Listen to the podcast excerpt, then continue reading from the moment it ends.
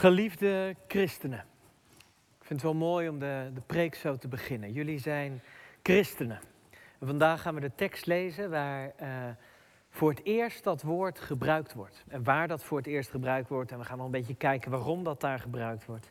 Dus geliefde christenen. Voelt u zich aangesproken? Ja, gelukkig. Sinds Pinksteren volgen wij een, uh, een prekenserie en bekijken we met elkaar de eerste hoofdstukken van uh, het boek Handelingen, waar we zien hoe een, uh, een, een kleine Joodse secte uitgroeit tot de wereldwijde religie die wij vandaag kennen. En die eerste stapjes, daar proberen we te kijken hoe we daar Gods stem in mogen verstaan. Hoe we zien hoe ze de eerste stappen zetten. En we hebben van allerlei dingen gezien. Hoe een vooraanstaande Joodse geleerde in Saulus gaat zien dat alle Joodse geschriften vervuld worden in die timmerman uit Nazareth. En hoe Filippus dan eerst aan de Samaritanen, een semi-Joods volk op de grenzen van het land, Jezus gaat zien als redder. En we hoorden hoe een belangrijke Ethiopische ambtenaar uiteindelijk zijn hart geeft aan Jezus. En overtuigd raakt van zijn belang voor zijn leven. En vervolgens hebben we nog gehoord van een, grotere groep Joodse, of niet-Joodse gelovigen uh, die in Caesarea vervuld raken. Cornelius, het prachtige verhaal wat we vorige keer bekeken hebben. En langzamerhand wordt zo waar waar Lucas ons op aan het voorbereiden is geweest in het eerste hoofdstuk. Maar wanneer jullie de geest, over, wanneer jullie de geest ontvangen, zullen jullie kracht ontvangen en van mij getuigen in Jeruzalem, Judea en Samaria tot aan de uiteinden van de aarde. en eigenlijk culmineert dat alles, komt dat alles samen, is die, die, die missie naar de heidenen, dat het niet langer enkel het Joodse volk is, maar dat het alle volken betreft, dat culmineert in dit verhaal, in, in dit stukje. Voor het eerst um, zien wij niet dat er dat er nog uh, allemaal dingen gezegd worden over degene die tot bekering komen, als een soort legitimatie, dat zij er toch nog wel bij horen. Maar grote groepen niet-Joodse mensen komen tot geloof. En dat gebeurt in Antiochië. En nou is Antiochië niet per se het einde van de aarde, maar het is een goed eind op weg. Ik heb even een kaartje meegebracht. Uh, de tekst is waarschijnlijk een klein beetje klein op het kaartje. Ik... Oh ja, maar die zit in de PowerPoint. Dus dat is zeg maar. Um, zou je de PowerPoint voor mij aan willen zetten? En dan de derde slide.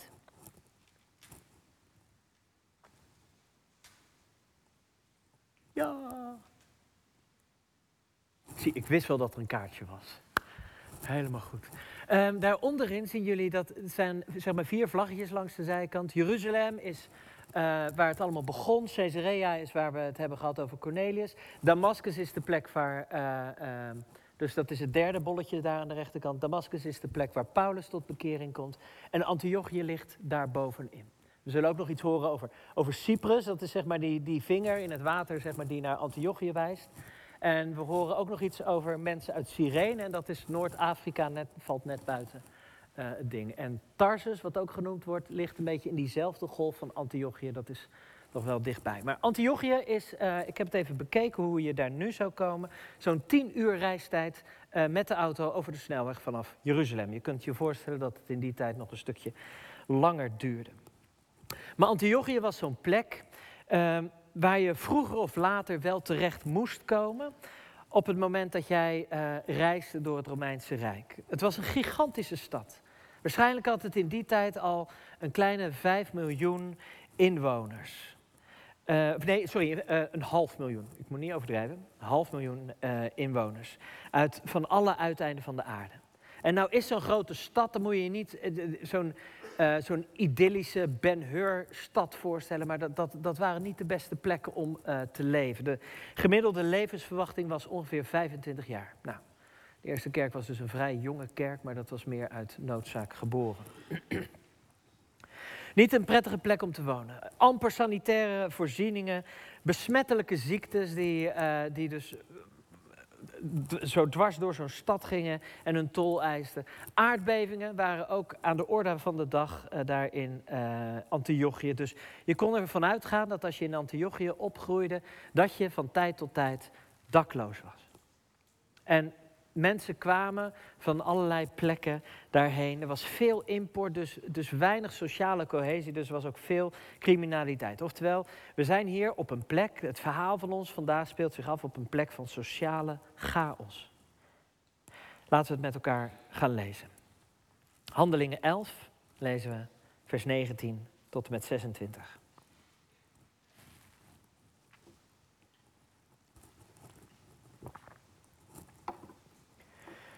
De leerlingen die verdreven waren, als gevolg van de onderdrukking die na de dood van Stefanus was begonnen, trokken naar Fenicië, naar Cyprus en Antiochië, maar verkondigden Gods boodschap uitsluitend aan de Joden.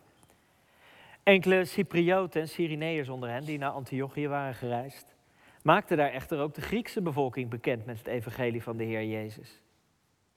Aan de hand van de, hand van de Heer steunde hen, zodat veel mensen tot geloof kwamen en zich bekeerden tot de Heer. Het nieuws over hun optreden bereikte ook de gemeente in Jeruzalem, waar men besloot Barnabas naar Antiochië te zenden.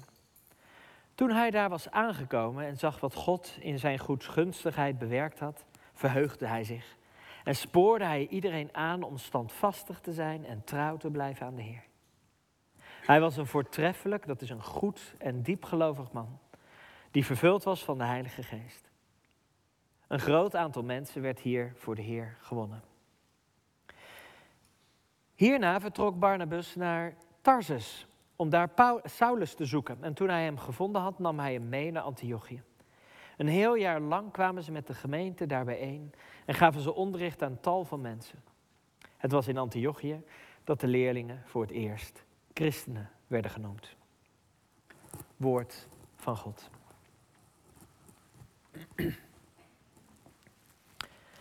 Het lijkt een beetje zo'n klein bijzinnetje. Het was in Antiochië dat de leerlingen voor het eerst christenen werden genoemd.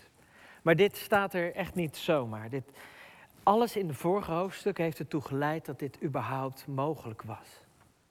Bij Cornelis kregen we nog een persoonlijk verhaal te horen. En hier zijn er ineens grote groepen mensen die, uh, die tot geloof komen. En waar we niets te horen krijgen over, over hun levenshouding of over hun afkomst.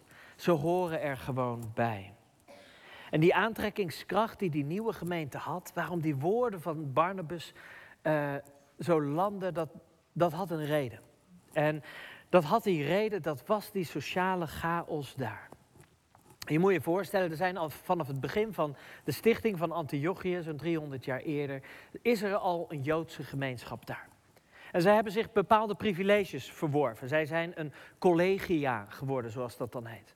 En dat betekende dat zij een grote vrijheid genoten daar in de stad om hun eigen gebruiken te blijven uh, volhouden. Om hun eigen uh, God te dienen. En ze hoefden dus niet mee in die keizerscultus, maar die, ze hadden toch een bepaalde veiligheid daar in die stad. En zo'n collegia, dat, uh, zo'n collegium, dat gaf bestaanszekerheid. Sociale zekerheid en bescherming. En het was dan ook van groot belang voor zo'n collegium, hè, dus een, groep van, van ongeveer 25.000 tot 60.000 mensen was dat in Antiochië, om intern de rust te bewaren. En dan helpt het niet als er mensen over jouw God gaan spreken, daar op de randen van het collegium. En dat er mensen met een totaal andere religieuze, culturele en etnische afkomst daar zo onderdeel worden van een gemeenschap uh, die intern de rust zou moeten bewaren. Ze zetten die verhoudingen gigantisch op scherp.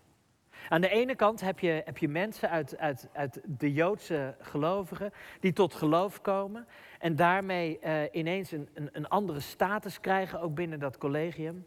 En aan de andere kant heb je ook uh, de uh, mensen die niet tot het Joodse collegium worden, die ineens zo'n beetje op die rand van het collegium komen, omdat die dezelfde God volgen als die Joden. Oftewel, het is niet voor niets dat dat woord geboren wordt, christenen, want er gebeurt iets waar ze nog geen naam voor hebben. Er komt een, een, een nieuwe gemeenschap tot stand. Waarschijnlijk met een veel minder privileges dan die Joodse gemeenschap. Dus er zijn mensen die uit dat collegium uh, hun privileges opgeven om bij die gemeenschap te horen. En anderzijds zijn er ook mensen die voor het eerst in, in, die, in die half miljoen stad uh, een stuk sociale zekerheid hebben omdat er een gemeenschap om hen heen staat. Een groep op de rand. Een groep van samengestelde volken. En, en juist daar klinkt die naam. De Heer Jezus. Christenen worden ze genoemd. En een veranderende situatie. Hè, dus, dus je kunt je zo voorstellen, hoe ga je leiding geven aan deze nieuwe gemeenschap? Dat is een pittige klus. Daar heb je eh, voor zeg maar, zulk belangrijk veranderingsmanagement heb je een, een, zware jongen nodig. En uh, daar komt Barnabas. Hij wordt gestuurd vanuit Jeruzalem.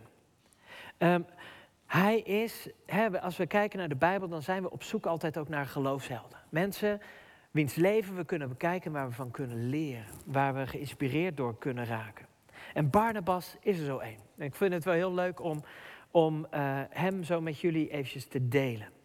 Uh, want hij wordt niet vaak genoemd, maar tegelijkertijd uh, is hij een hele belangrijke. En wij, wij zoeken naar, naar leiders, naar, naar, naar mensen die ons inspiratie kunnen geven over hoe we leiding geven in ons eigen leven. Misschien zit jij op een leidinggevende positie, ik denk eh, bovengemiddeld veel hier in Kruispunt. Uh, managers, leiders op je werk, maar ook uh, uh, leiders thuis. Hoe, hoe, geef je leiding aan je, aan je gezin? En misschien nog wel kleiner ook, hoe geef je leiding aan jezelf? Hoe hou je jezelf dicht bij God? Al die leiders die wij hier met elkaar zijn, um, mogen ons laten inspireren door deze onbekende held, deze relatief onbekende held. Barnabas. Zijn jullie benieuwd naar Barnabas? Willen jullie Barnabas een beetje leren kennen? Ja? Ik heb uh, uh, um, gekeken hoeveel eigenschappen ik aan hem kon ontlenen. En ik heb er zeven gevonden van effectief leiderschap. Is dat de, de, Seven Habits, noem ik het, denk ik. Maar, nou, nee, trouwens, dat wilde ik het noemen, maar dat bleek al bezet te zijn. Ehm, maar zeven, zeven goede eigenschappen.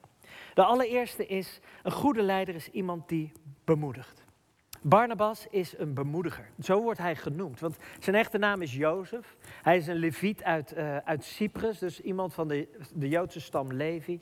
Uh, en hij, uh, hij wordt Barnabas genoemd. En dat betekent zoon van de vertroosting. Zoon van de bemoediging, zou je kunnen zeggen. Oftewel, hij is iemand die mensen aanspoort, en dat doet hij ook in deze tekst, een hart onder de riem streekt. Ben je wel eens zo iemand tegengekomen? Iemand die, die, echt, die je als bijna bemoediger zou kunnen noemen? Zo iemand die daadwerkelijk naar je luistert? Die zegt, oh wat, wat ben je daar goed bezig? Die, de, zo iemand die je spreekt en dat je helemaal aan, de, aan, je nokkie zit, zeg maar.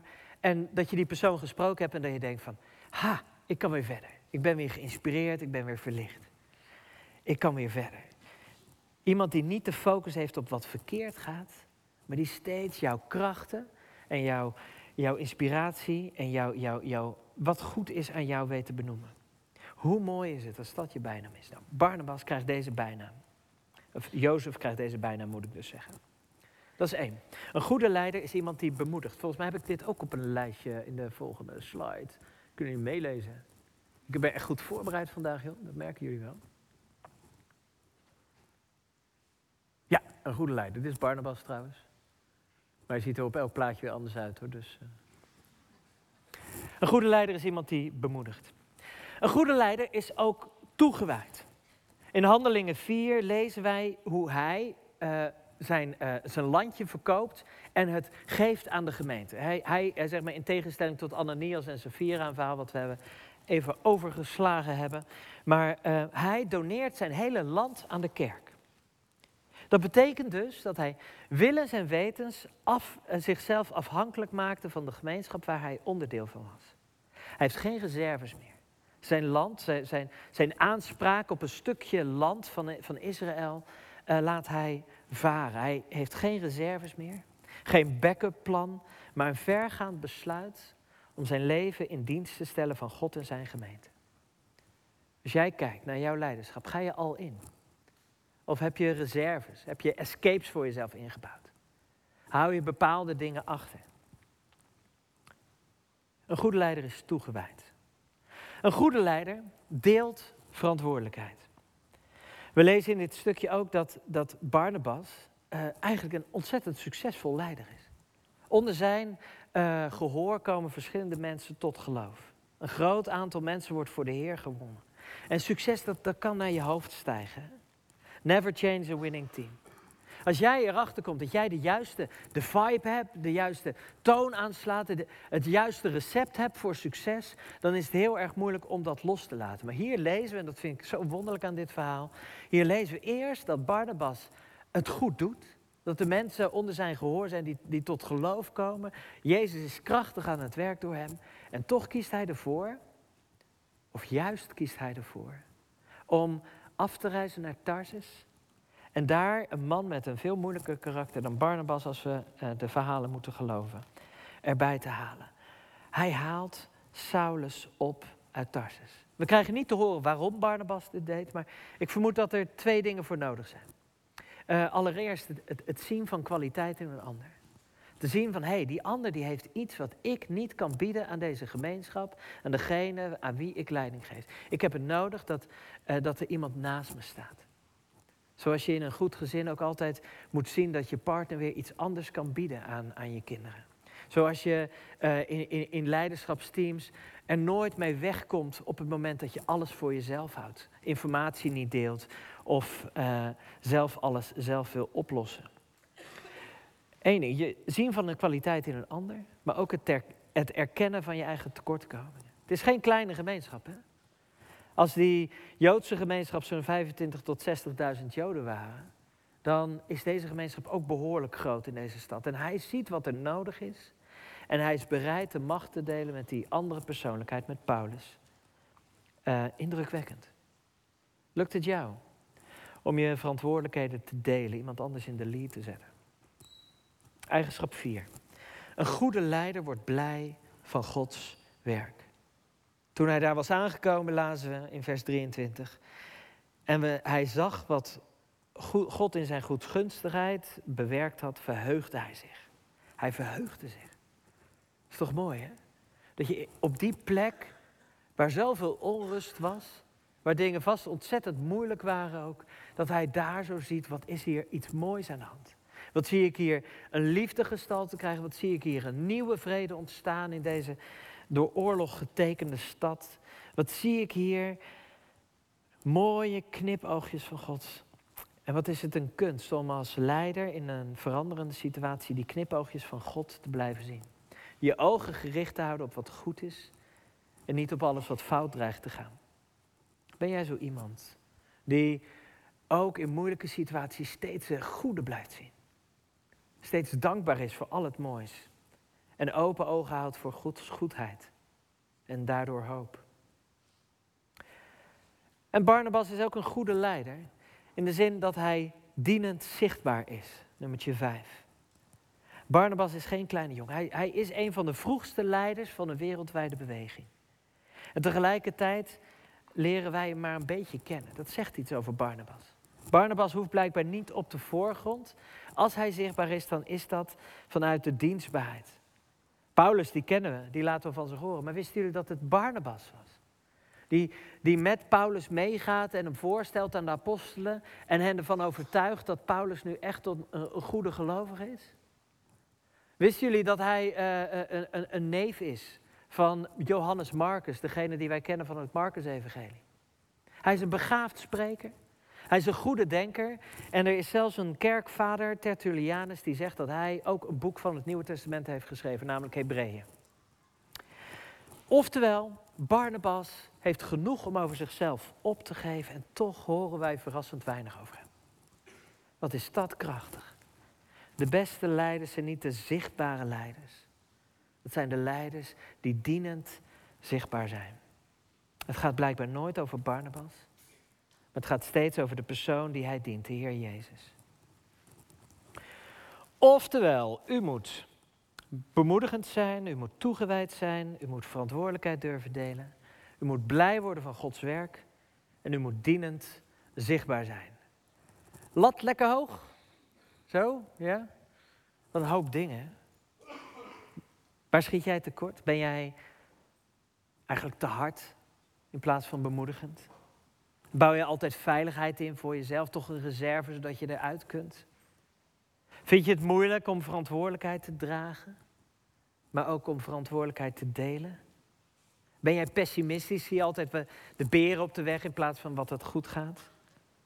Of ben je te vaak bezig met, met eigen eer en zelfverheerlijking? We schieten allemaal wel eens tekort. Op verschillende plekken. We hebben allemaal onze kwetsbaarheden. En daarom heb ik ook eigenschap 6. Een goede leider maakt fouten. Zoals elke goede leider in de Bijbel het betaamt, heeft ook Barnabas een flinke fout gemaakt. Op een gegeven moment komen er vertegenwoordigers van Jacobus, dus eh, van een van de leiders van de Jeruzalemkerk, komen naar Antiochië. En Petrus is er op dat moment ook. En zodra de mensen uit Jeruzalem hun gezicht laten zien, eet Barnabas, die altijd met, uh, uh, met de mensen om hem heen at, met de mensen uit de volken at, trekt zich ineens terug en gaat doen alsof hij een soort heilige jood is die dat niet meer doet. En Paulus die geeft hem er flink van langs in gelaten twee hierover. Dit mag niet, dit kan niet, zo hoor je niet te zijn. Dit is hypocrisie. Barnabas maakt fouten, net als wij. En dat vind ik heerlijk geruststellend. Dat, dat Barnabas, dit, dit, is trouwens de enige apostel in heel handelingen waarover gezegd wordt, hij was een goed mens. Wordt nooit over Paulus gezegd, maar wel over Barnabas. Hij was een goed mens, maar ook een goed mens maakt fouten. En hoe mooi is het dat wij een boek hebben waarin die fouten zelfs opgetekend staan. Want hoeveel leiderschap gaat er niet kapot aan fouten die onder de tafel geschoven worden? Hoe vaak gaat het niet mis in de plekken waar, we leid, waar, we, waar anderen leiding over ons hebben of waar we zelf leiding uh, nemen, omdat wij te, niet in staat zijn om onze fouten toe te geven? Als we te trots zijn daarvoor. Een goede leider maakt fouten en is daar open over. En weet dat hij steeds weer opnieuw kan beginnen. En waarom weet die persoon dat? Weet je, de, de reden dat we dat denk ik ook zo lastig vinden, is dat wij vaak bezig zijn met het beschermen van het beeld wat wij van onszelf hebben. We zijn bang onze fouten toe te geven. Eh, want als wij onze fouten toegeven, dat, dat dan uh, het beeld dat andere mensen van ons hebben als een kaartenhuis in gaat storten. Maar het is niet voor niets dat de kerk het blijft hebben over zonde en over vergeving. Het is op de plek waar wij kwetsbaar zijn, waar we fouten durven te maken, dat is de plek waar we God kunnen vinden. Waar we Jezus aan mogen kijken en een nieuw begin mogen maken. Want dat is, dat is eigenschap 7. Een goede leider kijkt naar Jezus. Wat staat er over Barnabas in onze tekst? Hij was een voortreffelijk, dat is een goed man. En hij was vervuld van geloof en van de Heilige Geest. Wat maakt Barnabas goed? Hetzelfde als wat Jezus goed maakt. Dat, dat God in hem aanwezig is. De God die, die als een duif op, op Jezus neerdaalt en de stem die uit de wolk klinkt. Dit is mijn geliefde kind, in hem vind ik vreugde.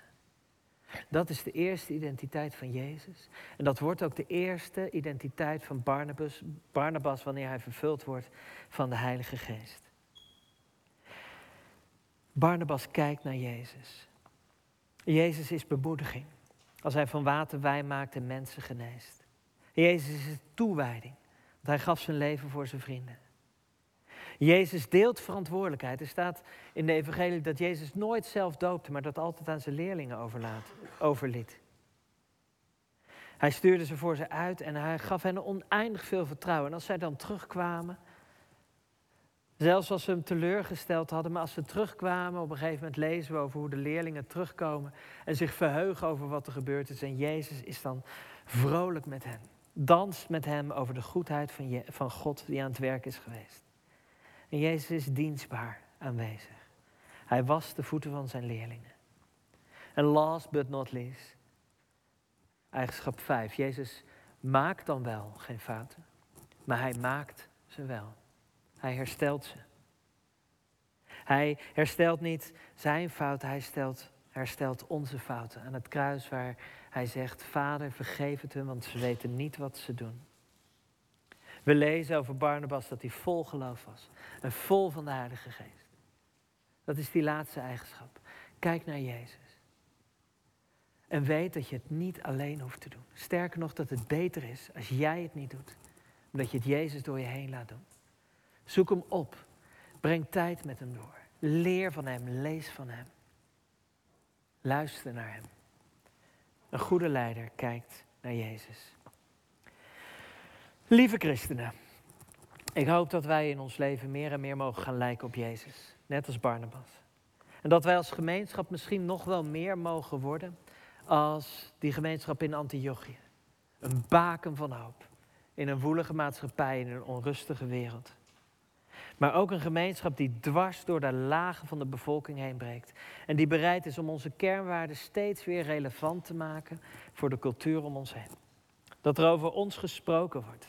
Dat onze omgeving de naam van Jezus weer in de mond neemt en zich afvraagt wie zijn dat toch, die christenen. Dat zij zich weer mogen verwonderen over ons. Door Jezus Christus onze Heer. Laten we bidden.